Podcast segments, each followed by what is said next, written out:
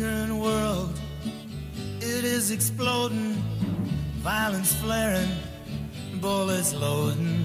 You're old enough to kill, but not for voting. You don't believe in war, but what's that gun you're toting? And even the Jordan River has bodies floating, but you tell me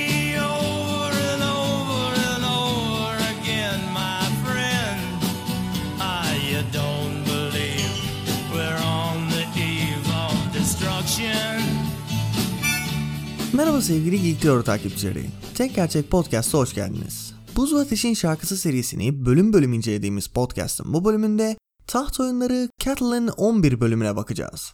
Bu bir tekrar okuma podcast olduğu için spoiler arasını yapayım. Her şeyden bahsedebilirim. Yayınlanmış 5 kitap, dizi, yan kitapların hepsi, kış rüzgarlarından yayınlanmış bölümler ve yazarın söyleşileri. Bu bölüm sizlere konsol üyelerimiz tarafından getirildi. Lord Dynamis, Lord Murat Çetin, Lord Göktuğ Türk, Lord The Cold Corpse, Lord Lazarus The Devoted, Lord Kanlı Kılıç Filamars, Hürsuvari Kadir Ufuk İçöz, Knights Queen Quaith ve Garth Greenhand. Siz de diyara katılarak podcast'i destekleyebilir, özel bölümlere erişebilir ve normal bölümlere erken erişebilirsiniz. Özel bölümler demişken Ned Stark hikayesindeki iki tropu ele aldığımız özel bölüm yarın sizlerle. Bunu da söylediğime göre özete geçelim. Eve gitmek için tökez taşı tekne üzerinde geçen Catelyn, aynı nehri bebek Rob'la beraber geçerek kuzeye, Winterfell'e gittiği günü hatırlıyor. Şimdi ise oğlu bir zırh giyiyor ve yanında bir ulu kurt var. Onların geldiğini gören askerler, hizmetçiler, herkes Winterfell diye haykırıyor. Coşku dolu bir görüntü olmasına rağmen Catelyn'in yüreği kıpırdamıyor. Ah Ned diye düşünüyor. Nehirova'ya geldiklerinde nehri kapatan demir yivli kapı kalkıyor ve suya batan kısmının paslandığını gören Catelyn bu kapının bir darbeye ne kadar dayanacağını merak ediyor. Son zamanlarda kafasının içi böyle düşüncelerle dolu. Duvarların altından geçtiklerinde onları merdivende bekleyen Edmure'u görüyoruz. Ki kendisi iyi bir karakter ve iyi bir lord. Kızıl saçlı, kızıl sakallı Edmure'un yanında Lord Titus Blackwood var. Catelyn özlemle kardeşine sarılıyor. Kardeşi mücadeleden dolayı yaralanmış. Acıdan bitkin düşmüş. Senin acın benim acımdır Cat. Lord Eddard'ın başına gelenleri duyduğumuzda Lannister'lar bunu ödeyecek. Sana söz veriyorum intikamını alacaksın. İntikam bana Ned'i geri getirecek mi? dedi Catelyn sertçe. Bir de bana Catelyn'i neden seviyorsun diyorlar. Kocasının öldürüldüğünü yeni öğrenmiş ve intikamın çözüm olmadığını söylüyor. Ardından babasını görmek istiyor ki zaten Hoster da onu bekliyormuş. Aşırı hastaymış ve Catelyn Edmure'u babasının hastalığının boyutu hakkında kendisini bilgilendirmedi diye parlıyor. Ama Edmure zaten Catelyn'i bilgilendirmek istemiş. Hoster engel olmuş. Düşmanlar bunu öğrenirse saldıracaklarını, işlerin daha da kötü olacağını söylemiş. Catelyn'in içindeki bir ses bu senin hatan diyor. Cüceyi kendi başına yakalamaya kalkmasaydın. Catelyn'in içindeki o söze Catelyn 5 ve Eddard 11 bölümünü dinlemesini tavsiye edip özete devam edelim. Lord Hoster'ın odasına gelen Catelyn babasını yatalak ve acı içinde buluyor. Lord'un odasının balkonu kocaman ve nehir ovayı komple görecek bir lokasyonda. Lord Hoster nehirleri izlemeyi seviyormuş. Edmure Catelyn'in geldiğini söylüyor ve Hoster küçük cat diyor. Edmure onları yalnız bırakıyor ve Catelyn hastalığın kendisine haber verilmesi gerektiğini söylüyor. Ama Hoster süvariler yakalanıp sorgulanır, kuzgunlar vurulup düşer diyor. Catelyn'i son bir kez görmeden önce öleceğinden korkmuş ama Catelyn burada işte. Oğlu Rob da burada. O da dedesini görmek istiyor. Hoster Rob'u hatırlıyor. Benim gözlerimi almıştı. Catelyn babasına Jaime Lannister'ı getirdiklerini söylüyor. Hoster gülümseyip gördüğünü söylüyor. Savaşı izlemesi için onu burçlara çıkarmışlar. Çığlıkları duymuş. Gece yanan meşaleleri görmüş. Bunu yapan senin oğlun muydu? Evet diyor Catelyn gururla. Rob'du ve Brandon. Erkek kardeşin de burada. Karabalık. Geri mi döndü? Ya Lysa?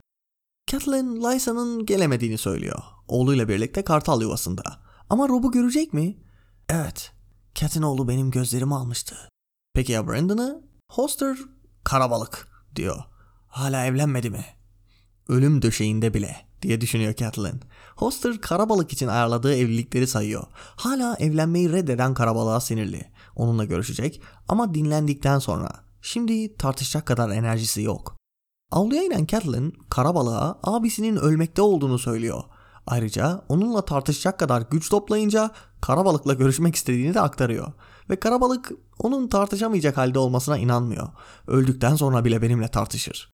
Salona geçen Catelyn Theon'u görüyor.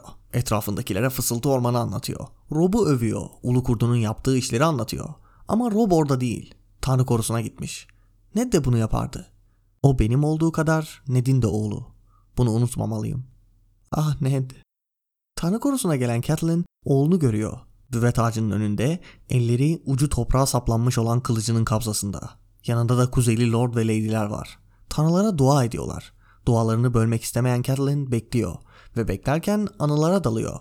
Burası çocukluğunun geçtiği yer sonuçta. Edmure şu ağaçta kolunu kırmıştı. Ata binmeyi şu ağaçların arasında öğrenmişti. Lysa ile beraber Baelish'i burada öpmüşlerdi. Acaba Rob da bir kızı öpmüş müydü? Böyle çocuksu bir anısı var mıydı? Ama öptüğüne şüphe yok. Jane Poole'un nemli gözlerle Rob'a bakışını, hatta 18 yaşından büyük kızların bile ona o gözlerle baktığını görmüş. Annesinin yanına gelen Rob bir konsey kurulması gerektiğini söylüyor. Karar verilmesi gereken konular var. Carolyn dedesinin Rob'u görmek istediğini söylüyor ama Rob öncelikle toplanmaları gerektiğini söylüyor. Şeytan Renly Baratheon abisinin tacını istiyormuş. Renly mi? diyor Catelyn. Lord Stannis olacağından çok emindim. Savaş konseyi büyük salonda kuruluyor. Kara şeklinde düzenlenen masalarla beraber nehir topraklarının lordları ve kuzey lordları bir araya geliyor. Elbette Lord Bracken ve Lord Blackwood birbirine olabilecek en uzak şekilde oturuyorlar. Konsey başlıyor. Tywin'in konseyinin aksine bu konsey tam da olması gerektiği gibi. Tartışmalar gece boyunca sürüyor. Herkesin konuşmaya hakkı var ve konuşuyorlar.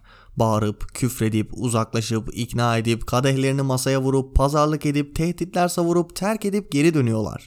Roose Bolton'ın ordusundan geri kalanları yeniden bir araya getirdiği, Freyler'in hala ikizleri tuttuğu, Tywin Lannister'ın Harrenhal'a doğru ilerlediği haberleri gündeme geliyor. Ayrıca krallarla ilgili mevzu da var. Sancak beylerinin çoğu bir an önce Harrenhal'a yürüyüp Lord Tywin'in ordusuyla karşılaşıp Lannister güçlerini tamamen yok etmek istiyor. Genç ve ateşli Mark Piper ise Harrenhal yerine batıya yürüyüp Casterly kayasını düşürmek istiyor. Jason Mallister, Lannister'ların ikmal hattı üzerinde olduklarını hatırlatıyor. Tywin'in ikmal hattında oturup uygun zamanı kollayabileceklerini söylüyor.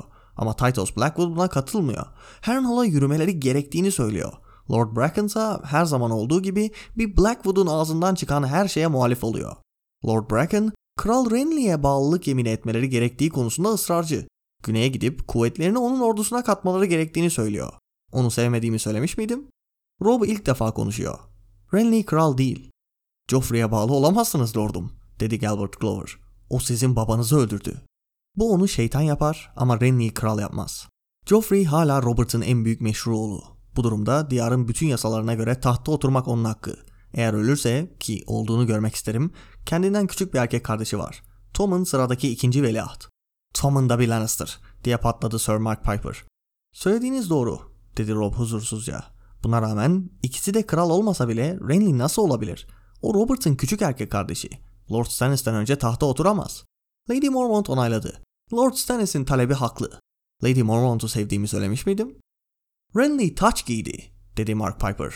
Yüksek bahçe ve fırtına burnu krallığını kabul etti. Dornluların da edeceğinden şüphe yok. Eğer Winterfell ve Nehirova'da güçlerini ona katarsa 7 büyük hanedandan 5'i Renly'yi kabul etmiş olur. Erinler de katılırsa 6. Kaya'ya karşı 6. Lordlarım daha bu yılın sonu gelmeden hepsinin kafasını mızraklara geçirmiş oluruz. Kraliçe, oğlu, Lord Tywin, İblis, kral katili, Sir Kevan hepsinin kafasını. Kral Renly ile birleşirsek kazanacağımız şey budur. Stannis'te bütün bunları kenara atmamıza değecek ne var? Hak dedi Rob inatla. Doğrular. Catelyn oğlunun Ned gibi konuştuğunu düşündü. Öyleyse Stannis'i desteklemek niyetindesin diye sordu Edmure. Bilemiyorum dedi Rob. Lannister'lar hainlik iddiasıyla babamı öldürdü. Bunun bir yalan olduğunu hepimiz biliyoruz. Buna rağmen Joffrey gerçek kralsa ve ona karşı ayaklanırsak bizler hain olacağız. Lord babam temkinli olmamızı önerirdi, diyor Stavron Frey. Bekleyelim, bırakalım ki bu iki kral kendi taht oyununu oynasın. Savaşları bitince kazananın önünde diz çökeriz ya da ayaklanırız. Tercih bizim. Renly ordu kuruyor. Bu durumda Lord Tywin ateşkes önerisine sıcak bakacaktır. Ve tabii oğlunu sağ salim geri almayı da istiyor. Soru lordlarım bana izin verin Harrenhal'a gidip onunla şartlarımızı ve fidye konusunu konuşayım. Böylece sesi salondan yükselen öfke nidalarının arasında boğuldu. Korkak diye haykırdı Iri John. Ateşkes için yalvarmak bizi zayıf gösterir dedi Lady Mormont. Phoebe'nin canı cehenneme. Kral katilini serbest bırakmamalıyız diye bağırdı Lord Rickard Karstark. Neden barış olmasın diye sordu Catelyn. Lady'm onlar babamı katletti. Sizin kocanızı dedi Rob sertçe. Kılıcını kınından çıkarıp masanın üstüne koydu. Lannister'larla aramdaki tek barış budur. Iri John haykırarak onayladı. Diğerleri de bağırarak masaya yumruklarını vurarak kılıçlarını çekerek ona katıldı. Catelyn herkes susana kadar bekledi. Lordlarım, Lord Eddard sizin başınızdı ama ben onunla aynı yatağı paylaştım. Çocuklarını doğurdum. Onu sizden az sevdiğimi mi düşünüyorsunuz? Rob, eğer bu kılıç onu geri getirebilecek olsaydı Ned'i yine yanımda dururken görene kadar onu kınına geri sokmana izin vermezdim. Ama Ned öldü ve yüz tane fısıldayan orman zaferi bile onu geri getiremez. Ned öldü ve Darren Hornwood ve Lord Karstark'ın cesur oğulları ve pek çok iyi adam. Hiçbiri geri dönmeyecek. Buna rağmen daha fazla ölüm mü istiyoruz? Siz bir kadınsınız Lady'm, dedi iri John kalın sesiyle. Kadınlar bu konuları anlayamıyor. Kadınlar duygusaldır, dedi Lord Karstark. Yüzünde taze acısının izleri vardı. Bir erkeğin intikam alması gerekir. Catelyn savaş konularını onlar kadar iyi bilmediğini kabulleniyor. Ama beyhudeliği bilirim. Ned zindana atılmışken özgürlüğümüzü ve lordumuzu almak için çarpıştık. Birini hallettik. Ned'in yasını tutacağım ama yaşayanları da düşünmek zorundayım. Kızlarımı geri istiyorum. Rob, senin güvende olmanı istiyorum. Bir hayatın olsun istiyorum. Eğer dört Lannister vermem gerekirse veririm. Ben evime dönmek istiyorum lordlarım. Evime dönüp kocam için ağlamak istiyorum. Karabalık ve Lord Blackwood buna karşı argümanlar sunuyor ki analiz kısmında burayı konuşacağız. Hatta Lord Bracken ve Lord Blackwood bile Catelyn'e karşı geldikleri bu noktada hemfikir oluyorlar. Bu sırada Mark Piper, siz kendi adınıza ne karar verirseniz verin. Ben bir Lannister'a asla kralım demeyeceğim, diyor. Barışmalar tekrar başlıyor. Catelyn neredeyse dinler gibi olduklarını, neredeyse başardığını düşünüyor. Kızlarını düşünüp onları bir daha görüp göremeyeceğini merak ediyor. Bundan sonrasını çok kısa keserek okumam lazım. Herkes tartışırken ayağa kalkan iri John ''Lordlarım'' diye bağırıyor. İki krala söyleyeceğim sadece şudur diye yere tükürdü. Renly Baratheon benim umurumda değil. Stannis de öyle. Yüksek bahçedeki ya da Dorne'daki çiçekli bir koltukta oturup bana ve benim insanlarıma neden onlar hükmetsin? Onlar suru, kurt ormanını, ilk insanların hendek mezarlarını ne bilir? Onların tanrıları bile yalan. Lannister'lar burama kadar geldi artık. Ötekilere yem olsunlar. Neden biz yine kendi kendimizi yönetmiyoruz? Ejderhalarla evlenmiştik ve ejderhaların hepsi öldü. Kılıcını roba doğrulttu. Benim önünde diz çökeceğim tek kral tam burada oturuyor lordlarım diyerek gürledi. Kuzey kralı. Ve tek dizinin üstüne çöküp kılıcını Rob'un ayaklarının dibine bıraktı. İşte bu şartlarda barışa varım dedi Lord Karstark. Kızıl kale ve demir taht onların olsun. Uzun kılıcını kınından çıkarıp Irijon'un yanında diz çöktü. Kuzey kralı diye haykırdı. Mage Mormont ayağa kalktı. Kış kralı diye bağırdı. Gürzünü yerdeki kılıçların yanına koydu. Nehir lordları ayağa kalktı. Blackwood, Bracken, Mallister. Asla kış yarından yönetilmemiş büyük hanedanlardı ama Catelyn'in gözlerinin önünde ayağa kalkıyor, kılıçlarını çekiyor, diz çöküyor ve diyarda ejderha Aegon'un gelip yedi krallığı tek bir krallık yaptığı zamandan bu yana 300 yıldır duyulmayan o kelimeleri haykırıyorlardı. Catelyn'in babasının salonunun kirişleri o sözcüklerle titriyordu. Kuzey Kralı, Kuzey Kralı, Kuzey Kralı. Ve böylece Catelyn 11 bölümü sona eriyor. Taht Oyunları kitabının bayağı tutmasının elbette birçok sebebi var. Kitabın başından beri konuştuğumuz onlarca sebep işte. Ama bu son bir buçuk yıldır ağır ağır tekrar okurken kitabın son kısmının ne kadar kuvvetli olduğunu daha net bir şekilde gördüm. Kaç haftadır bölüm incelemelerini bir an önce yazıp ertesi bölüme geçmeye çalışıyorum. Son kısmın bu kadar coşturması kitabın ne kadar başarılı olduğunu zaten gösteriyor. Ama işte sonun da sonundayız ve son iki bölüm olan Catelyn 11 ve Daenerys 10'la beraber hiç olmadığımız kadar yükseliyoruz. Son iki bölümün o tam 12'den vuran bölümlerin insanı soktuğu his tarif edilemez. Kuzeydeki kral ve ejderhaların müziği. Yaşayan hiç kimsenin şahit olmadığı iki hadise. Birinde politik, diğerinde büyüsel tarafın tavan yapması. Zaten fandom tarafından da bayağı sevilen bölümler bunlar. Ama her hikayede olduğu gibi climax noktasının, tepe noktasının değeri bilinirken bu tepe noktasını hazırlayan yol gölgede kalıyor. Bu bölüm önceki bölümlerin sırtında yükselirken bölümün son sahnesi de öncesinin sırtına çıkıyor. Tepeye ancak böyle ulaşıyorsun zaten. Bölümde 3 önemli seçim grubu var. Birincisi savaşın getirdiği seçimler. Nereye ilerleyeceğiz? Yanlış yolu seçersek neler olabilir? İkincisi politik durumların getirdiği seçimler.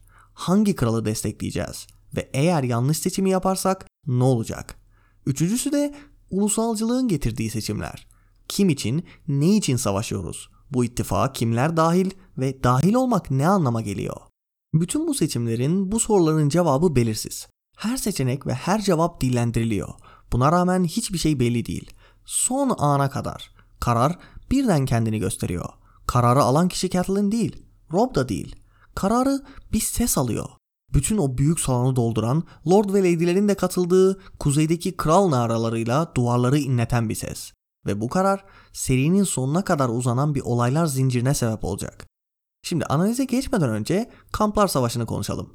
Tyrion 9 bölümünde bunu yapamadık çünkü bu bölümde alacağımız bazı bilgiler vardı. Savaşa baktıktan sonra bölüme geçerek farklı bir ilerleyiş denemiş olacağız. Fazla detaya girmeyeceğim. Peki o zaman Rob'un Nehirova'daki zaferine bakalım. Ama ne zafer. Kamplar Savaşı fısıltı ormandan daha çarpıcı bir savaş. Coğrafik olarak birbirinden tamamen ayrı 3 kamp var ve Rob bunlardan ikisine saldırıyor. Ve zamanlama muazzam. Gece vakti olmasına rağmen bunu başardılar. Orta çağda gece savaşları, gece saldırıları duyulmamış bir şey değil ama kesinlikle çok az. Riskin de getirinin de fazla olduğu bir savaş türü. Ve bu savaş getirinin muazzam olduğu bir şekilde sonuçlanıyor. Bunun sebeplerinden ilki Rob'un Blackfish gibi, Iri John gibi adamları iyi kullanması ve getirisinin muazzam olduğunu söyledim çünkü herhangi bir savaşta bundan daha fazlasını bekleyemezsiniz. Evet Fısıltı Orman Savaşı da sağlamdı. Jaime Lannister'ı yakaldın. Attı birliklerini indirdin. Ama o savaşın getirisi bu savaş olmasaydı çok daha ufak kalırdı. Şu an burada gerçekleşen şey bir ordunun neredeyse tamamen yok edilmesi. Seride bunun ne kadar az gerçekleştiğini biliyor musunuz? Ve sadece bir kez daha gerçekleşecek. Yine Rob'un girdiği Oxcross Savaşı. Orada da bir Lannister hostu tamamen alt edilecek. Bu savaşta bir kısım geri çekilmeyi başarıyor. Saldırılmayan kamptakilerin bir kısmı. Ama onlar da Oxcross Savaşı'nda tekrar yenilecek ve iş tamamlanacak. Kısaca sayılardan bahsedeceğim çünkü zaten önceden bunları konuştuk. Starkların sayısı pek değişmedi. Fısıltı Orman'da 6000 civarı süvari vardı. Bunlara Mallister kuvvetleri ve bazı nehir lordlarının Edmure'un ordusundan kalanların katıldığını biliyoruz. Bunların sayısından emin değiliz ama Mallister'ların 300-500 kişiden fazla getirecek bir hane olduğu belli. Nehir Ova'nın içerisinde de rahatlıkla 500 asker vardır. Normalde bir kale garnizonu için 500 kişi fazla bir sayı. Ama yenilen bir ordunun askerlerinin bir kısmının içeri girebilmiş olduğunu varsaymak zorundayız. Lannister'ların 12 bin, 13 bin piyade ve normalde süvarileri vardı. Ama süvarilerin büyük çoğunluğu fısıltı ormanda yok oldu. Bu 13 bin kişinin içerisinde elbette okçular vesaire de var. Artı bir paralı asker topluluğunun kuvveti de onların yanında. En azından savaşın başında öyleler. Yani sayı olarak bakarsak Rob'un iki katı askere sahipler. Ama Rob'un ordusunun büyük kısmının atlı birliklerden oluştuğunu da unutmayalım. Ayrıca Lannister ordusu Nehir Ova'nın lokasyonu ve kuşatma anında oluşturduğu yapay nehir sebebiyle üçe bölünmüş haldeydi. Yani iki kampa saldıran Rob bu kamplarda kendi ordusunun yarısıyla karşıdaki ordunun üçte birine saldırmış oldu. Ve elinde güç çarpanları var. Birincisi Lannister ordusunun kumandanı onun elinde. İkincisi düşman üçe bölünmüş durumda ve gerektiğinde birleşmeleri çok zor. Çünkü arada nehirler var. Üçüncüsü elinde Brandon Karabalık gibi bölgeyi bilen biri var. Bu sayede kampları gözetleyip durumu iyi analiz edebilirler. Dördüncüsü saldırı beklenmedik bir anda gerçekleşti. Beşincisi Lannister ordusu saldırıya hazırlanıyordu ve onları gören Nehirova kapıları açarak kaledeki garnizonu da savaşa kattı.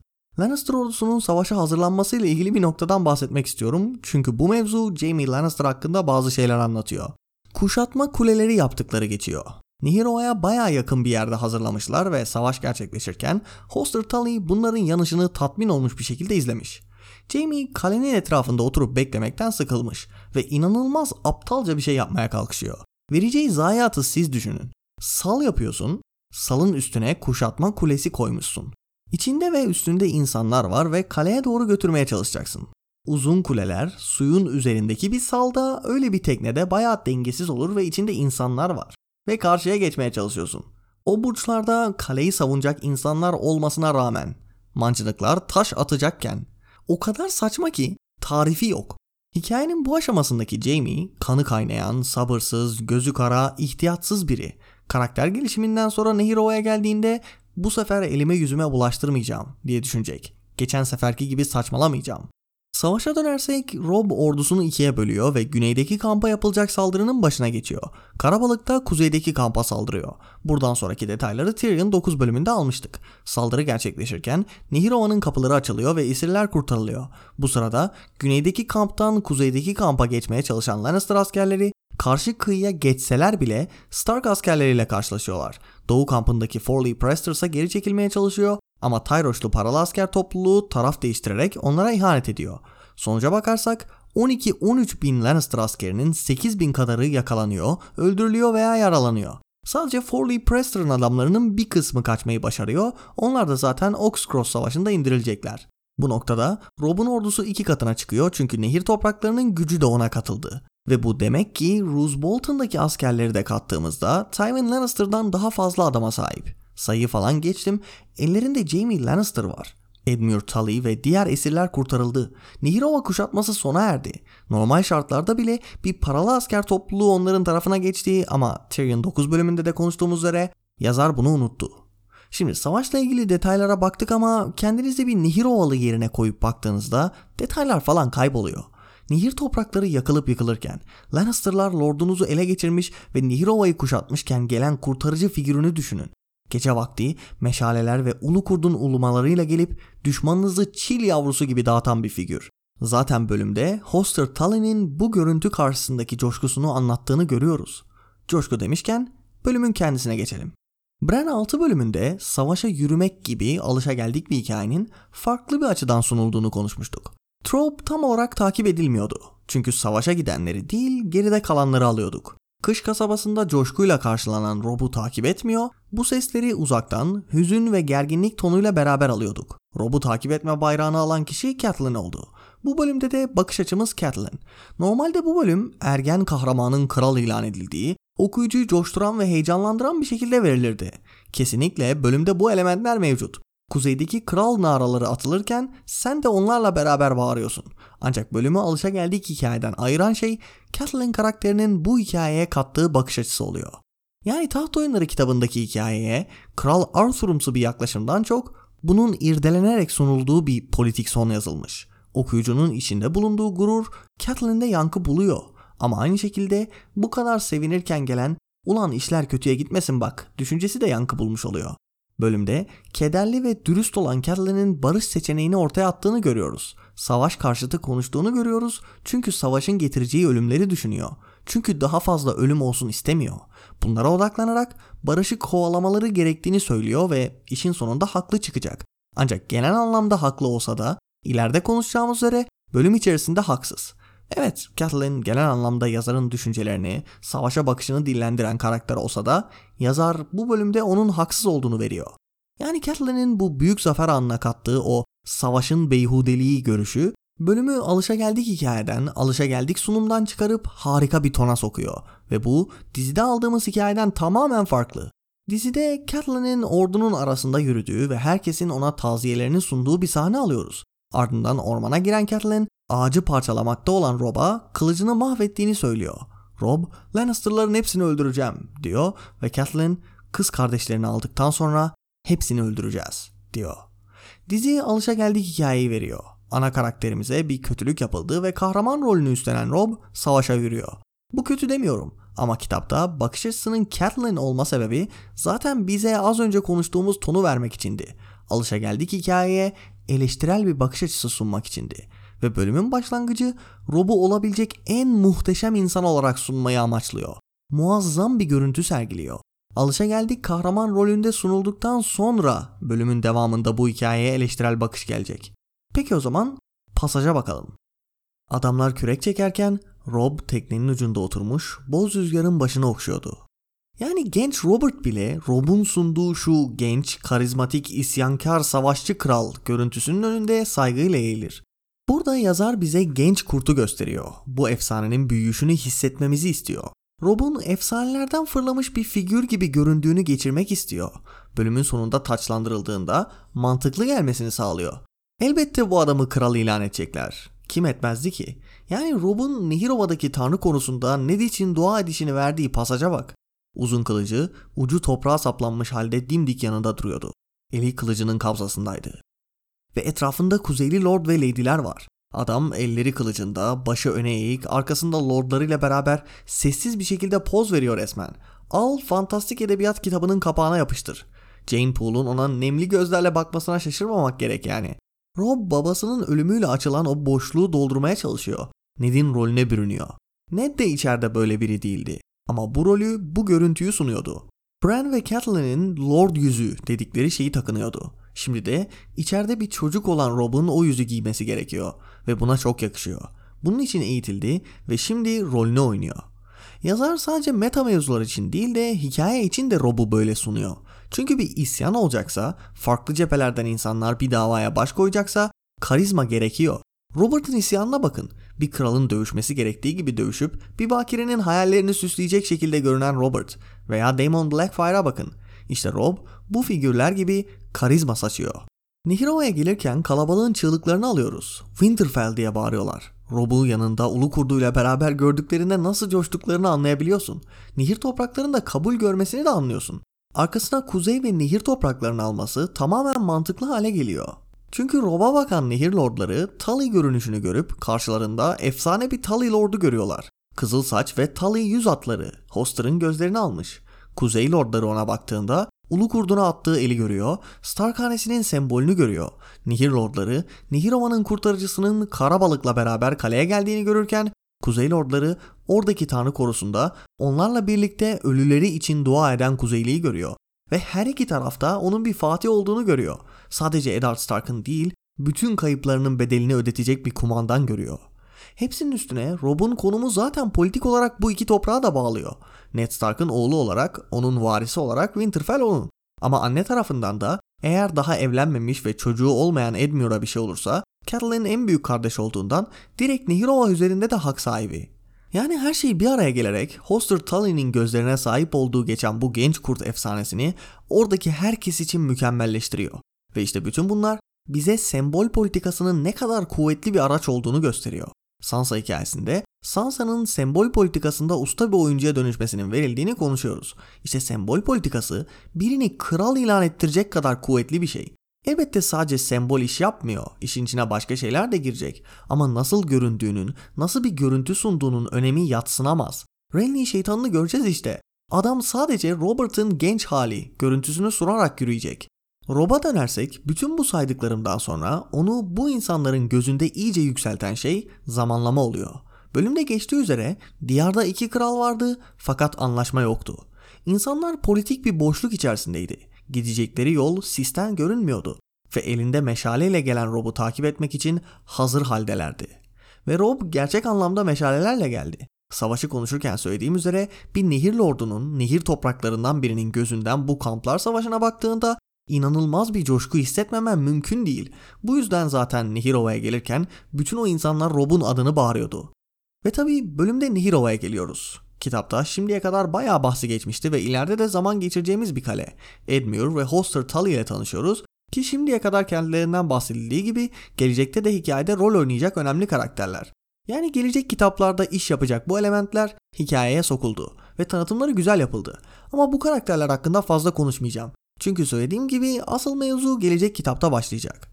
Catelyn'in kaleye gelişiyle ilgili karakter hakkında bazı şeyler anlatan pasajlar var. Şu an kocası ölmüş, kızları düşmanın elinde ve oğlu savaşa girmiş bir anne okuyoruz. Bütün bunları bastırmaya çalışıyor ama büyüdüğü ev ve ailesinin içinde bulunduğu durum bunu engelliyor. Nihirova'yı bir yandan nostaljik, huzurlu düşüncelerle eşleştiriyor. Çocukluğunun geçtiği o günler, geçtiği her yer ona mutlu olduğu günleri hatırlatıyor.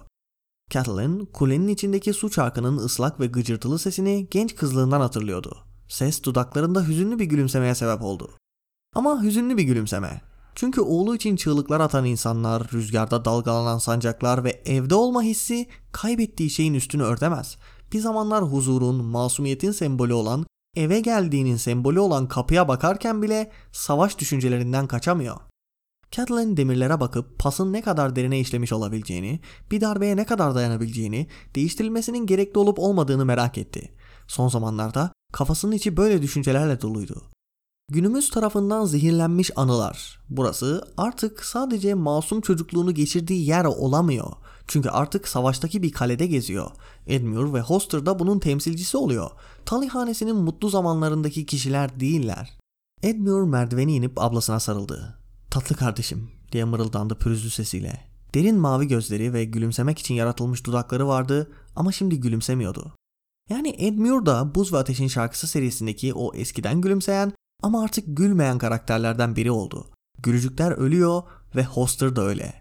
Hoster Tully her zaman dev gibi bir adam olmuştu. Gençliğinde uzun ve geniş, yaşlanmaya başladığında biraz şişmanca. Ama şimdi küçülmüş gibi gözüküyordu. Kemiklerinde et ve kas kalmamıştı sanki. Yüzü bile sarkmıştı. Kitaptaki Catelyn'in düşüncelerinde Hoster'ı örnek aldığını, onun Catelyn'in dünyasını tutan sütunlardan biri olduğunu anlayabiliyorsun. Şimdi Ned'le beraber Hoster sütunu da yıkılıyor. Ned'in ölümüyle üzerine daha da yük binmesi gereken sarılabileceğim bir sütun daha gitti. Üstad fazla vaktinin kalmadığını söylüyor. Sürekli ve şiddetli ağrıları var. Catelyn'in içini kör bir öfke doldurdu. Edmure'a, Lysa'ya, Lannister'lara, üstadlara ve Ned'e ve babasına ve her ikisini de ondan alıp götüren zalim tanrılara öfke duyuyordu. Tabi eğer Catelyn gerçekleşen her şey için sadece tanrıları değil kendini de suçlamazsa bu gerçek bir Catelyn bölümü olmazdı. Bu senin hatan diye fısıldadı içindeki bir ses. Cüceyi kendi başına yakalamaya kalkışmasaydın Catelyn hikayesi ilerledikçe kendini suçlayışı da gittikçe artacak. Her düşüşte ailesinin başına gelen her şeyin suçlusunun kendisi olduğunu düşünecek. İnsanlar bunu yapıyor. Bazıları kendinde hiç suç bulmazken bazıları her şeyde şunu farklı yapsam şimdi böyle olmazdı diye düşünüyor. Ama kendine çok fazla yükleniyor. Catelyn'i suçlamak için uğraşsanız dahi ki fandom'ın bir kısmı bu konuda tam zamanlı çalışıyor, mantık çerçevesinde bulabileceğiniz tek gerçek suç Tyrion'u kaçırmış olmasının olayları bir tık daha hızlandırdığı olurdu. Ama kendini suçlamak da bütün bu olanlarla başa çıkma yöntemi işte. Çünkü eğer düşüşünde bir payın varsa buna sen sebep olduysan demek ki işler mantıklı ilerliyor demektir. Demek ki ileride hata yapmazsan böyle şeyler başına gelmeyecek. Çünkü bunun alternatifi şu. Eğer senin suçun yoksa olanlar kontrolünde değildir. Evren ve tanrılar aileni bitirmeyi kafaya koymuş, bu konuda ne düşündüğünü, ne acılar çektiğini umursamıyor ve ne yaparsan yap bundan kaçamazsın. Yani her şeyin suçunu kendinde bulması doğru olmasa da, bu adil bir şey olmasa da evreni, içinde bulunduğu toplumu, yaşadıklarını mantıklı hale getirmeye yarıyor. Ve önceden de söylediğim üzere Catelyn hikayesi boyunca karşımıza çıkan şey onun dünyanın tekrar mantıklı bir hale geleceğine dair inancı. Yakında mantıklı hale gelecek. Çok yakında. Yarın gelecek. Artık gelsin lütfen. Ve bu düşünceler içerisindeyken Kızıl Düğün gerçekleşiyor. Dünyanın asla mantıklı hale gelmeyeceğini gösteren, tüm inancını yıkan o düğün. Ve ardından bu bölümde intikamın bir işe yaramayacağını söyleyen, barış taraftarı olan karakter intikamdan başka bir şey düşünmeyen Lady Taşyura'ya dönüşüyor. Hazır barışın taraftarı olmak demişken konseye geçelim. Tyrion 9 bölümünde Lannister'ların, daha doğrusu Tywin Lannister'ın konseyini almıştık. İnsanların geneli boş yapıyordu. Bunun sebebinin dinlenmedikleri ve zaten şimdiye kadar her olayda Tywin'in sözünün geçmesi olduğunu konuştuk. Buradaysa tam tersi bir durum var. Herkes konuşuyor. Herkes farklı açılardan olaylara yaklaşıyor. Herkes sorunlara kendince bir çözüm sunuyor. Çözümlerin çoğu da gerçekten masadaki gerçek seçenekler yani. Saçma sapan şeyler değiller. Sadece herkes kendine de yarayacak olan şeyden bahsediyor. Bu konseydeki her cümlenin arkası politik anlamda bayağı dolu. Aynı zamanda Tyrion 9 bölümündeki konsey gibi hikayede nerede olduğumuzu toparlayan, gelecekte olacaklar için bir ön gösterim sunan bir konsey. Ama Tyrion 9 bölümünde olay Lannister'ların her yönden, her açıdan batmış oldukları iken burada daha farklı bir durum var. Belirsizlikler mevcut. Önlerinde bayağı bir seçenek var ve bunların bir kısmı güzel yerlere çıkabilecekken bir kısmı resmen dipsiz kuyu. Tüm bunlar da tek bir cümleyle özetleniyor. Diyarda iki kral vardı fakat anlaşma yoktu. Ve özette baktığımız o pasaj var. Bağırışlar, çağrışlar, sinirli laflar, salonu terk etmeler, geri gelmeler, birbirine laf atmalar vesaire.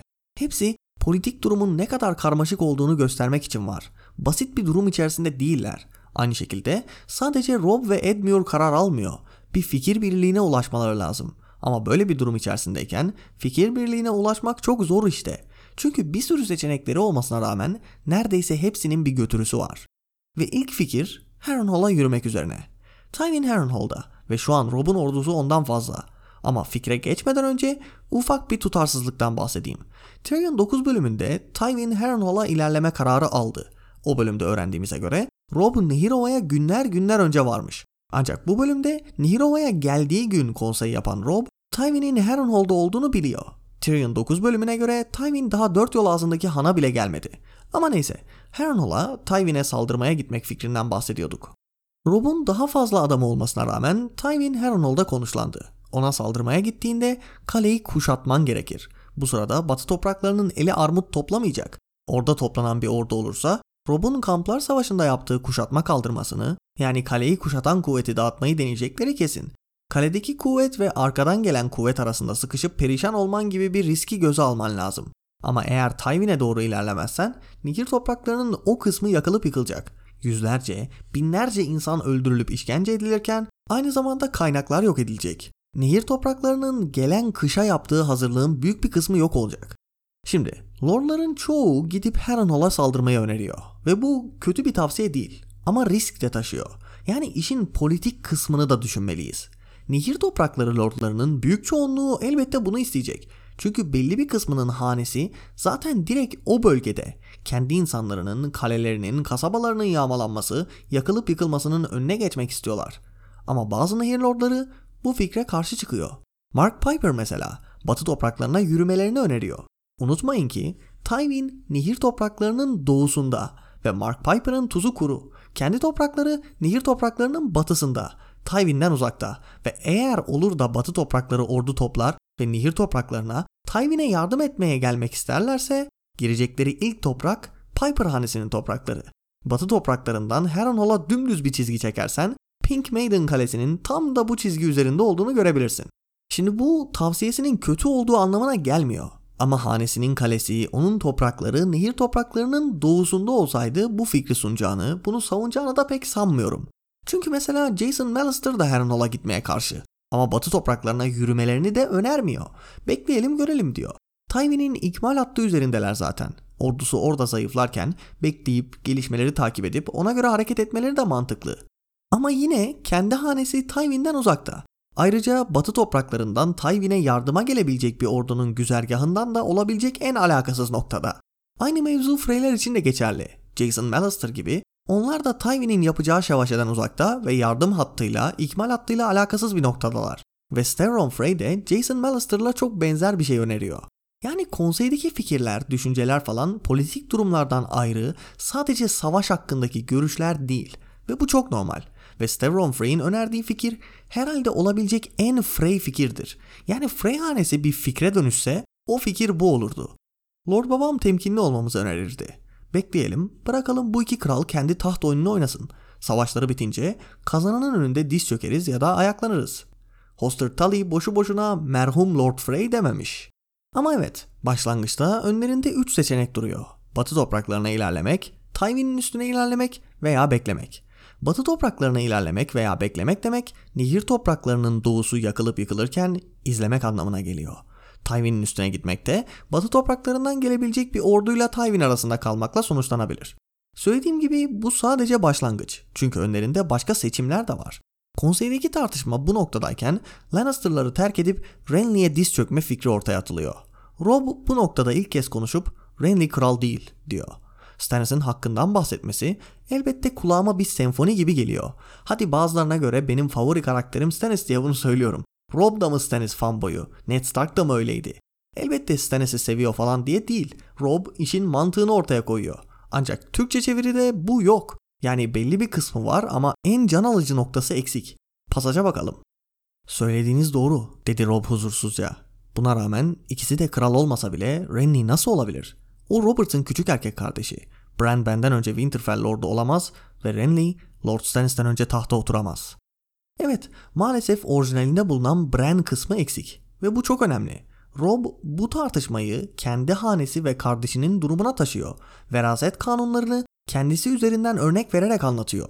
Odadaki herkese şunu söylemiş oluyor. Benden hoşlanmazsanız falan Bran'i başa geçirmeye kalkmayın. Renly'nin mantığının bu odadaki insanlara da uygulanacağını düşünmeye kalkmayın.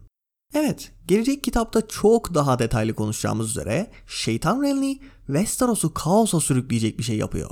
Rob bunu fark ediyor. Daha genç olan Baratheon kardeşin kendini taçlandırmış olduğunu duyan herkes şaşırıyor. Catelyn Stannis olacağını sanmıştım diyor ve cevap da zaten hepimiz öyle sandık oluyor. Rob ileriyi düşünüyor. Bu taçlanmanın ve eğer Renly başa geçerse olacak olan şeyin farkında. Statüko değişecek. Kanunlar değişmiş olacak. Bu sadece Renly ve Stannis'te geçerli olan bir şey olmayacak. En büyük evladın başa geçmesi kanunu bozulursa bu Rob'u da şu an Renly'yi destekleyelim abi diyen enayileri de kapsayacak. Aranızda küçük kardeşi olan varsa arkasını kollamaya başlasa iyi olur. Ortada herkesin takip ettiği, çok kolaylıkla anlaşılabilen bir sistem var. İyi falan demiyorum. Ama sırf uyulmadığında sağlam tepki geleceğini bildikleri için bile uyulan bir kanun bu. Ben daha güçlüyüm o yüzden ben başa geçeceğim dediğin anda Westeros'un bir daha düzelmeyecek bir şekilde uçurumdan aşağı atlayacağı belli. Bu Osmanlı'daki gibi falan da değil. Burada azam lordları, onlara bağlı lordlar ve o lordlara bağlı lordlar var. Baştaki her lord öldüğünde bütün bu zincir birbirini yiyecek. Renly kendisini böyle ileriye doğru atılmış bir adımmış gibi falan sunmaya çalışacak ama yaptıklarını ve bunların dallanmalarını göz önüne alırsan geri adımı falan geçtim direkt uçurumdan atlamakla eşdeğer olduğunu görebiliyorsun. Savaş lordu zamanlarını geri getirecek herif. Onu destekleyen insanlara bakınca da bunu görebiliyorsun zaten. Birkaç tane yaşlı ve görmüş geçirmiş kişi veya hane var elbette. Ama büyük çoğunluğu genç. Alıntı yaparsak yaz şövalyeleri. İşte Nehirova'daki savaş konseyinde de böyle kanı kaynayan yaz şövalyelerinin dengi Mark Piper Renly'yi savunuyor. Konuşmasına bakarsan Renly'e diz çöktüklerinde Dorn ve Vadi de katılınca altı krallığa karşı Lannister'lar olacakmış. Hemen de katıldılar zaten ve bütün o düşmanların kafasını mızraklara geçirmekten bahsediyor. Hemen geçirdiniz zaten. Eddard 11'de de batı topraklarına gidip intikam almaktan bahsediyordu. Kendi kafasında bir hikaye yazıyor işte. Hikayenin sonu da şanlı bir zaferle mızraklara geçirilmiş kafalarla sonuçlanıyor. Sansa'nın Gregor Clegane'i öldürmek için gönderilen grubun hemen de Gregor'un kafasını mızrağa geçirip kralın şehrine getireceklerini düşündüğü gibi. Mark Piper'a yaz şövalyesi diye boşuna demiyorum. Genç ve ateşli Mark Piper diye geçiyor bölümde. Şu konuşmanın sonuna bir bakalım. Erinler'de katılırsa 6. Kaya'ya karşı 6. Lordlarım, daha bu yılın sonu gelmeden hepsinin kafasını mızraklara geçirmiş oluruz. Kraliçe, oğlu, Lord Tywin, İblis, kral katili, Sir Kevan hepsinin kafasını. Kral Renly ile birleşirsek kazanacağımız şey budur. Stannis'te bütün bunları kenara atmamıza değecek ne var? Robza olayın sadece Lannister'ları öldürmekten daha derin olduğunu söylüyor. Evet bu da amaçlardan biri. Yapmak istediği şeylerden biri bu. Ama bu savaşın neden gerçekleştiğinin özüne inmeye çalışıyor. Haklardan bahsediyor. Doğrulardan bahsediyor.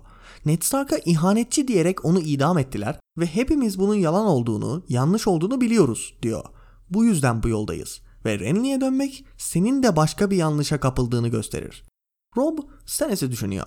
Renly'yi geçerli bir yol olarak görmediğini aktarıyor. Ama aklını kurcalayan şeyler var. Pasaja bakalım. Bu onu şeytan yapar ama Renly'yi kral yapmaz. Joffrey hala Robert'ın en büyük meşru oğlu. Bu durumda diyarın bütün yasalarına göre tahtta oturmak onun hakkı. Eğer ölürse ki olduğunu görmek isterim, kendinden küçük bir erkek kardeşi var. Tom'un sıradaki ikinci veliaht. Ardından şu pasaj geliyor. Stannis'te bütün bunları kenara atmamıza değecek ne var? Hak dedi Rob inatla. Doğrular. Öyleyse Stannis'i desteklemek niyetindesin diye sordu Edmure.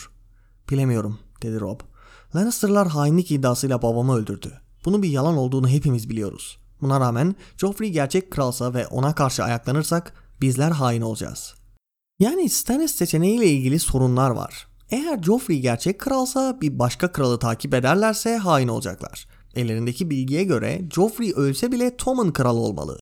Bir ihtimal olarak onları bir Baratheon değil de Lannister olarak alırlarsa da Stannis gerçek kral. Ve en büyük sorun bu değil. Stannis seçeneği dediğimiz şey ortada bile yok. Stannis daha kendini taçlandırmadı.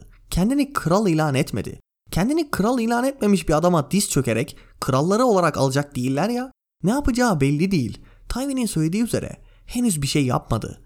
Yani Renly gerçekçi bir ihtimal değil. Stannis daha taçlanmamış ve Joffrey babasını öldürdü. Ama bütün bu kargaşanın içerisinde biri var ki daha hiç konuşulmamış, hiç dillendirilmemiş bir seçenek sunuyor. Catelyn Stark. Kendisi bu hangi kralı destekleyeceğiz tartışmalarını kesen ve bu çatışmalara dahil olmalı mıyız sorusunu soran kişi oluyor.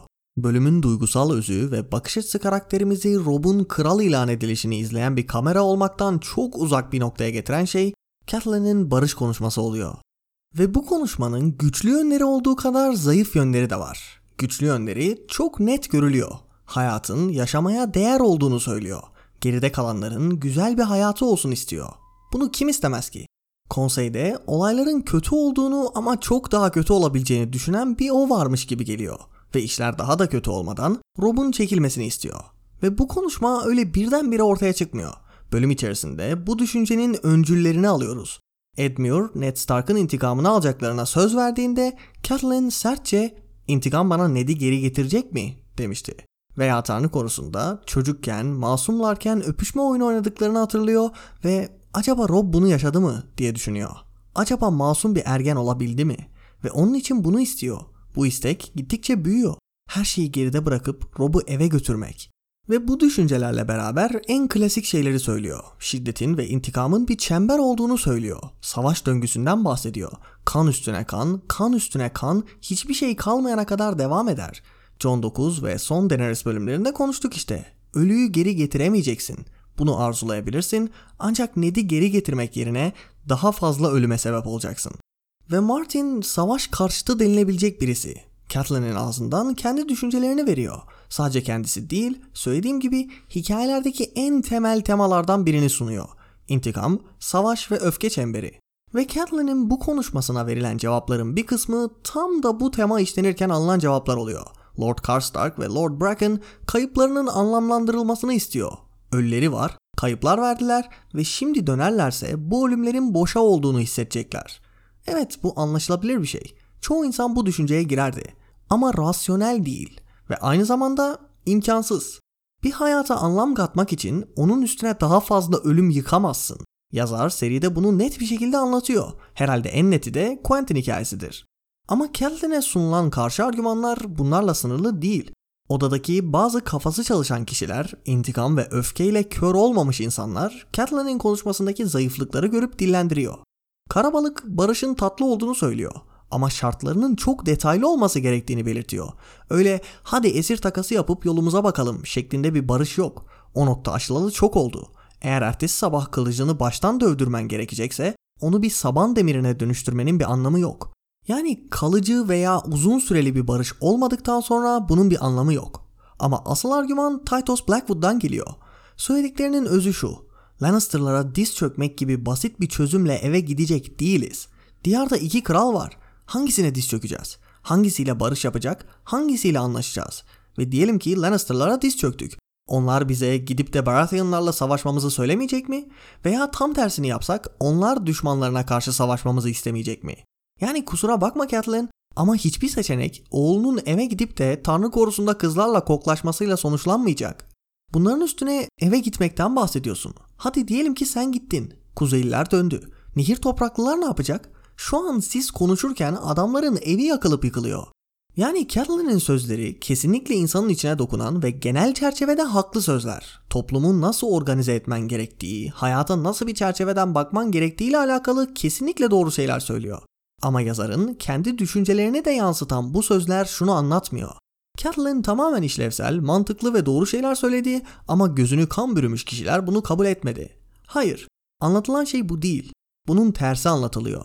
Ned'in öldürüldüğünü daha yeni öğrenmiş olan, babasının içinde bulunduğu durumu gören Catelyn, savaşa ve barışa çok kişisel yaklaşıyor. Ned'i ve kızlarımı kurtarmak için savaşa girdik, diyor. Ama diğer insanlar da olaya kişisel bakabilir.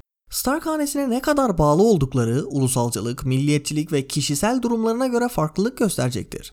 Eğer olayı kişisel mevzularla sunarsan burada kaybeden sen olursun. Nehir topraklarındaki lordlar senin kızlarını o kadar da önemsemeyebilir. Ama bunun sistematik bir yanlış, yöneticilerin yapmaması gereken bir şey olduğunu söylersen o zaman iş onları da ilgilendirir. Yani bu durumlara kişisel yaklaştığında herkesin farklı bakış açısı olması kaçınılmaz. Edardım öldü diyorsun. Richard Karstark da kendi Edard'ından bahsediyor. Ne yani? Benim Edard'ım senin Edard'ından önemsiz mi? Ne de öldü artık eve dönebiliriz dediğin zaman adam da bu işin burada bitmediğini söyleyebilir. Ve senin şu an burada herkesi ikna etmen gerekiyor. Çünkü feodal düzende kendi kendilerine bir şeyler deneyebilirler. Catelyn de zaten herkesi ikna etmeye çalışıyor. Ama kişisel konulardan bahsederek, senin için geçerli şeyleri söyleyerek herkesi ikna edemezsin. Ama bunu geride bıraksak bile yani Catelyn şu an burada dünyanın en ikna edici konuşmasını yapmış olsa bile barış imkansız. Catelyn'in minimalist şartlarıyla barışa gitmeye ikna oldular diye varsaydığında bile barışa ulaşamıyorsun. Diyelim ki ellerindeki bütün esirleri gönderip Stark kızlarını takas ederek eve geri dönmeyi kabul ettiler. Lannister'lar bu minimalist şartları bile yerine getiremiyor çünkü ellerinde Arya yok. Ve hepsini geçtim. Lannister'lar politik olarak kötü aktörler. Biz okuyucular olarak Ned'in anlaşma yaptığını biliyoruz. Buna rağmen öldürüldü. Şu an bu salondakiler bunu bilmiyor olabilir ama bildikleri birkaç şey var.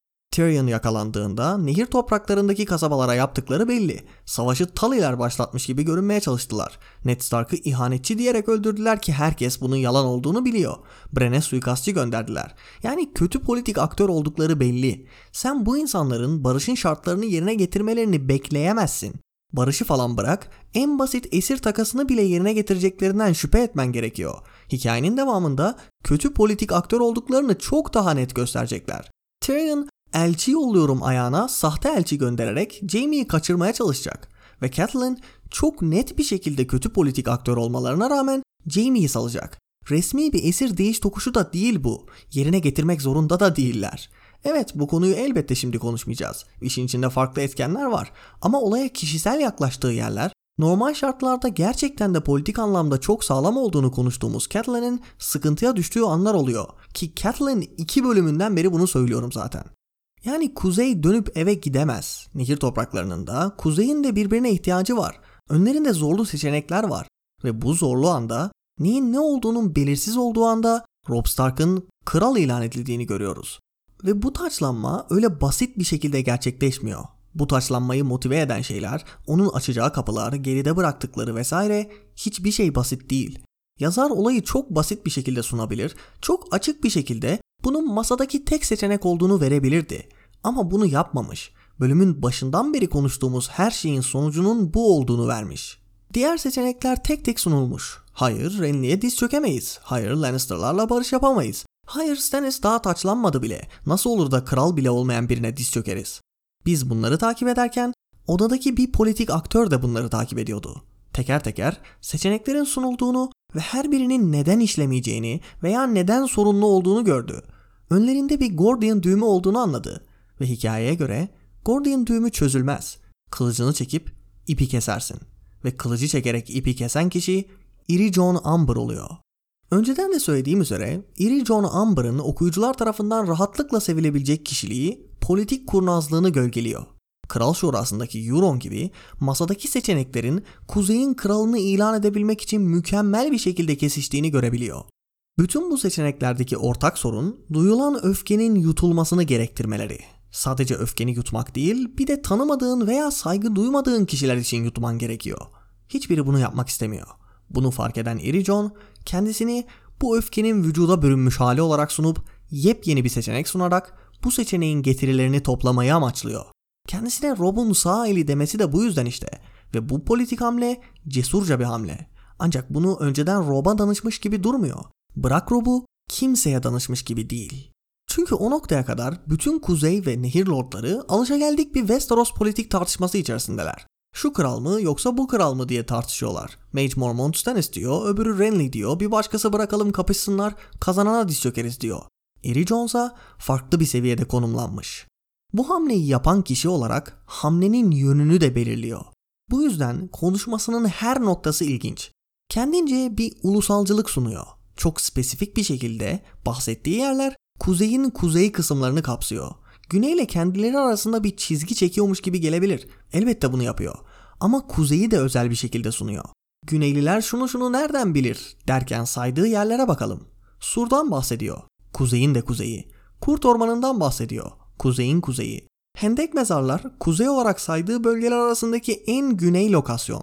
Beyaz Liman'dan, Flintlerin tepelerinden, Moat Gale'in veya Boğaz'dan falan da bahsetmiyor. Hayır, Amber hanesini ilgilendiren şeylerden bahsediyor. Ve ulusalcılığın zor olan noktası herkesi kapsayacak tekil bir versiyonunu bulmakta yatıyor zaten. Richard Karstark'ın kendince bir versiyonu olacak. Wyman Manderly'nin kendince bir versiyonu olacak. Roose Bolton'ın bile kendince bir versiyonu olacak. Ama Irijon bu konseyde kalkıp da Manderly'lerin versiyonunu söyleyemez. Çünkü onların kuzey anlayışına göre kuzey kucaklayıcı bir yer. Güneyden de olsan güneylisin diye dışlamayan, farklı insanlara yer bulabilen bir yer. Asimilasyonun, birleşmenin sunulduğu bir yer. Irijon şu an amaçladığı şey için kuzeyi böyle gösteremez. Kuzeyi güneyden ayırmaya çalışırken bunu söyleyemezsin veya güneyi içine katacak şeyler söyleyemezsin. Adam ilk insanların hendek mezarlarından bahsediyor. Biz ilk insanların soyundanız demiş oluyor. Menderliler orada olmasına rağmen bunu yapıyor. Tanrıları bile yanlış diyor. Bakış açısı karakterimiz ve salonun yarısından fazlası o tanrılara inanırken hem de. Güneydekiler kurt ormanından ne anlar diyor. Titus Blackwood oradayken hem de. Lan o orman önceden onlarındı. Sur'dan bahsediyor. Orman gibi, hendek mezar gibi binlerce yıldır değişmeyen tekil bir kuzey kültürü anlayışı varmış gibi davranmaya çalışıyor. Ama konuştuğumuz üzere öyle bir şey yok. Söylediğim gibi burada sağlam bir hamle var. Kuzeydeki kralı ve onun yönetimini ilan edecek olan konuşmada bu yönetimin kuzeyin kuzeyi ile alakalı olduğunu geçirmeye çalışıyor. Kuzey kralı başta oldukça kendi ulusalcılık versiyonunun diğerlerininkine baskın gelmesini, dolayısıyla kuzeyin nehir topraklarına üstün gelmesini istiyor. Halbuki bu salondaki herkes Rob'u kralı olarak kabul ederse Rob iki ayrı bölgenin değil birleşmiş olan bu tek bölgenin kralı olacak. Ama nehir toprakları binlerce yıldır kendi başına bir krallık değildi. Hep başka bölgeler orayı da alarak geniş bir krallığa sahip oldu. Bir noktada demir adamlar, demir adalar ve nehir topraklarına hükmediyordu. Bir noktada fırtına toprakları buraya hükmediyordu. Irijo'nun yapmaya çalıştığı şey de bunun sinyalini vermek. Birleşik iki bölge gibi değil de kuzeyin nehir topraklarına hükmettiği bir şekilde sunmaya çalışıyor. Ve bu sonuç öfkeden, kayıplardan da geliyor. Konuşma Joffrey'den, Tywin'den falan da derine gidiyor. Hatta Ned'den de öteye. Bu konuşmanın belli bir seviyesi Rickard'la Brandon Stark'la alakalı. Torrhen ve Aegon'la alakalı. Güney'in kuzeye hükmetmesiyle alakalı. Güney bize hükmediyor ve böyle olmamalı demiş oluyor. Çünkü söylediği bazı şeyler söylediğim gibi odadaki bir sürü insanı dışarıda tutacak şeyler. Ama bundan da öteye gidiyor. Renly Baratheon benim umurumda değil. Stannis de öyle. Yüksek bahçedeki ya da Dorne'daki çiçekli bir koltukta oturup bana ve benim insanlarıma neden onlar hükmetsin? Birincisi kimse yüksek bahçe veya Dorne'dan bahsetmedi abi. Dorne'un konuyla alakası bile yok. Güney denildiğinde aklına gelenleri sıralıyor işte. Dorne'daki kumlar, yüksek bahçenin çiçekleri falan. İkincisi tanrıları bile yanlış diyor. Evet Lannister'lar ve güneydekilerin çoğu yediye inanıyor ama yaptıkları şeyi bu yüzden yapmadılar ki. Joffrey Baelor Septi'nin basamaklarını kanla kirletti. Yani bu konuşma normal şartlar altında da yapılabilirdi. Bu savaşla adamların yediye inanmasının falan bir ilgisi yok. Ama konuşma savaş bağlamında yapıldığı için bir sonuca ulaşılıyor. Adam Lannister'lardan neredeyse bahsetmeyecek bile. Sona doğru bir noktada ötekilere yem olsunlar diyor. Yani konuşmasını irdelediğimizde krallıktan kopuşun güneydekilerin yaptığı şeylerle ilgisi yok. Normalde her şeyi başlatanı Lannister'lar olarak biliyorlar. Ama adam onlardan bahsetmeyip, yapılanlardan bahsetmeyip Güneylilerin farklılığına odaklanıyor. Yapılan şeyler bunun tuzu biberi oluyor. İşte tam da bu yüzden gelecek kitaplarda yapılacak şeyler kuzeyi krallığa geri katacak değil, onları tamamen güneyden ayıracak hamleler oluyor. Kızıl düğünü gerçekleştiren Tywin, kuzeyi güneyden geri dönüşü olmayacak bir şekilde koparmış oluyor. Halbuki bu hamleyi haklı gösterme yöntemi savaşı bitirip çatışmayı sonlandırıp kuzeyi krallığa geri kattığını söylemekti. Artık sizden tam anlamıyla nefret ediyorlar. Son çiviyi çaktın sen. Güneyden ayrılma kararının ne kadar doğru olduğunu gösterdin. Hazır gelecek kitapta gerçekleşecek şeylerden bahsetmişken ima ve altyapılara geçelim. Catelyn'in intikamın yanlış olduğunu söylemesi, Barış'ın sesi olması falan elbette Lady Taşyurek için bir altyapı. Bu karakterin ölmeden önce yaşadıkları, yaşadığı bütün o kayıplar, üstüne ölüp dirilmesi onu sadece intikam peşinde koşan birine dönüştürecek. Ve Lady Taşyurek karakterinin tanıdığımız, bildiğimiz Catelyn'den ne kadar uzak olduğunu almış olacağız. Catelyn'in konuşması demişken gelecek kitaplarda Elaria Sand'in de benzer bir konuşma yaptığını göreceğiz. Tywin ölmüş, Emery Lorch ölmüş, Gregor ölmüş, Elia Martell ve çocuklarına yapılanların sorumluları sonunda ölmüşler. Ama kum yılanları hala devam etmek istiyor. Oberyn öldü, siz de mi öleceksiniz diyecek Elaria. Kızlarım da sizin intikamınızı almak için mi ölecek? Nerede bitiyor bu iş? Elaria'nın konuşmasının Catelyn'den çok daha etkileyici olduğunu söyleyebiliriz. Çünkü aynı temayı aktarıyor olsalar da Catelyn'in durumunda daha işi yapanların ölmüş olmasını falan geçtim, nehir topraklarında hala savaş suçları işleniyor. Suçlar işlemek deyince de akla Hoster geliyor. Hoster Tully bölümde Lysa'yı soruyor. Onun gelmediğini duyunca da hüzünleniyor. Tekrar okuyanlar olarak bunun sebebini biliyoruz. Hoster, Lysa'ya yaptıklarından pişmanlık duyuyor. İlk kez okurken Lysa sorunlu, deli ve aptal olarak alınıyor. Vadide yaptıklarını okuyorsun. Vadi ordusunu 30 bin kişiyi resmen bir çocuğu korumak için tuttuğunu okuyorsun. Belki de ondan nefret ediyorsun. Ama sonra reveal geliyor. Lysa'nın Hoster'dan, ailesinden neden nefret ettiğini öğreniyorsun. Bu yaptığı şeyleri affettirmiyor tabi. Ama onu anlıyorsun. Serideki en iyi twistlerden biri Lysa'ya yapılanlar ve bunu önceki bölümlerde konuşmuştuk. Bu bölümde Lysa konusu hakkında başka bir ipucu da var. Çocukken Tanrı korusunda öpüşme oyunu oynadıklarını hatırlayan Catelyn, Baelish'in dilini ağzına sokmaya çalıştığını söylüyor. Lysa, bana da yaptı. Hoşuma gitti, diyor. Bölüm zaten altyapı kaynıyor. Analiz kısmında bazılarını konuştuk. Richard Karstark'ın içinde bulunduğu ruh hali gelecek kitaplarda büyük sorunlara yol açacak.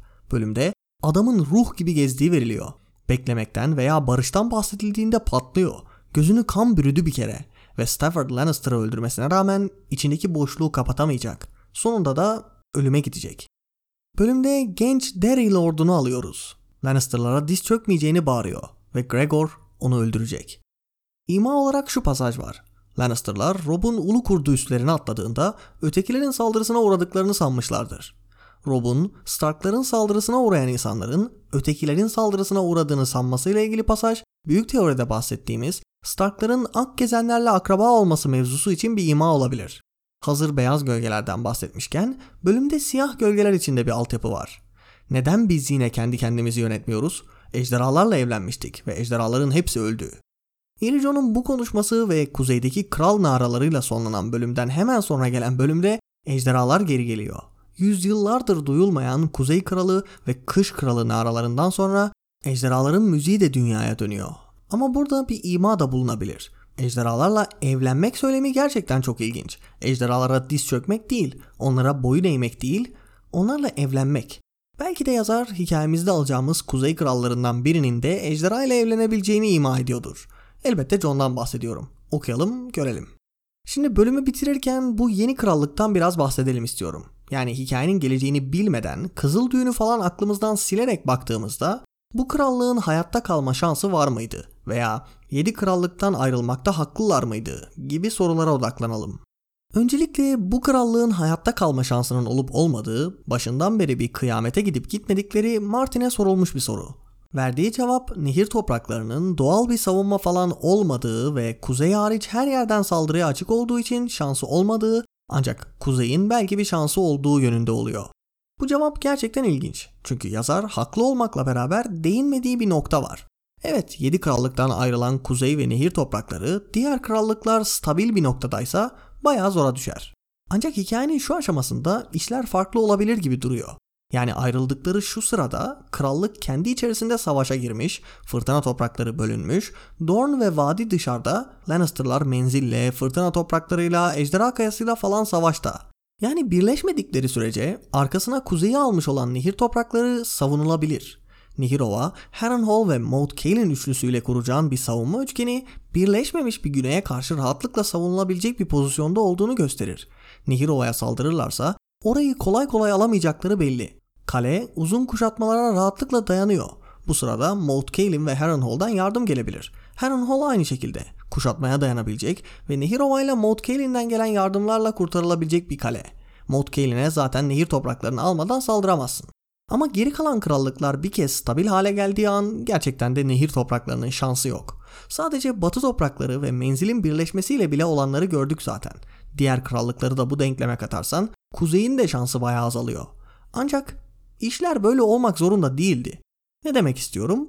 Eğer Balon Greyjoy'un çalışan tek bir beyin hücresi olsaydı, kuzey ve nehir topraklarıyla ittifak kurmuş, bağımsız bir krallık olabilirdi. Demir doğumluların da en azından ittifak olarak gelmesi demek, hayatta kalma şansının artması anlamına geliyor. Ama bu bile nehir topraklarını kurtarmaya yetmez. Nehir topraklarının kurtulması için vadinin de denkleme katılması gerekiyor. Direkt Westeros'u ortadan ikiye bölmüş oluyorsun. Doğudan bir tehdit yok. Vadi zaten rahatlıkla kendini koruyabilecek bir bölge. Asker sayısı az gelebilir ama vadi şövalye kaynıyor. Öyle eline kılıç tutturulmuş köylülere benzemez. Bu noktadan sonra zaten geri kalanlar stabil bir krallık olsa bile saldırmak öyle rahatlıkla alınabilecek bir karar olmaktan çıkar. İki tarafın da bayağı kayıp vereceği, iki tarafa da gerçekten bir şey kazandırmayacak bir savaş olduğunu herkes görebilir. Yani özetle hikayenin şu aşamasında elbette şansları var. Ama biraz ilerlediğimizde bazı krallıklar birleşip Balon Greyjoy aptalı aptallığını yaptığında iş çıkmaza giriyor. Peki bağımsızlık konusunda haklılar mıydı? Elbette haklılardı. Günümüzde olduğu gibi feodal düzende de bir çeşit toplum sözleşmesi var ve demir taht son dönemde tekrar ve tekrar bu toplum sözleşmesine ihanet etti. Rickard Stark ve Brandon Stark'a yapılanlar. Mahkeme yok, yargılama yok. Lyana'nın tırnak içinde kaçırılması da var. Üstüne Ned Stark'a olanlar belli. Bran'e kimin suikastçı gönderdiğinden net emin değiller ama belli ki Lannister'lar. Yani toplum sözleşmesi olabilecek en berbat yollarla alt edildi. Ve sadece Stark'lara değil, Brandon'ın yanında nehir topraklarından, kuzeyden insanlar vardı. Savaşta ölenler, Aerys'in Brandon'la gelenleri öldürmesi vesaire derken zaten kanayan bir yara vardı.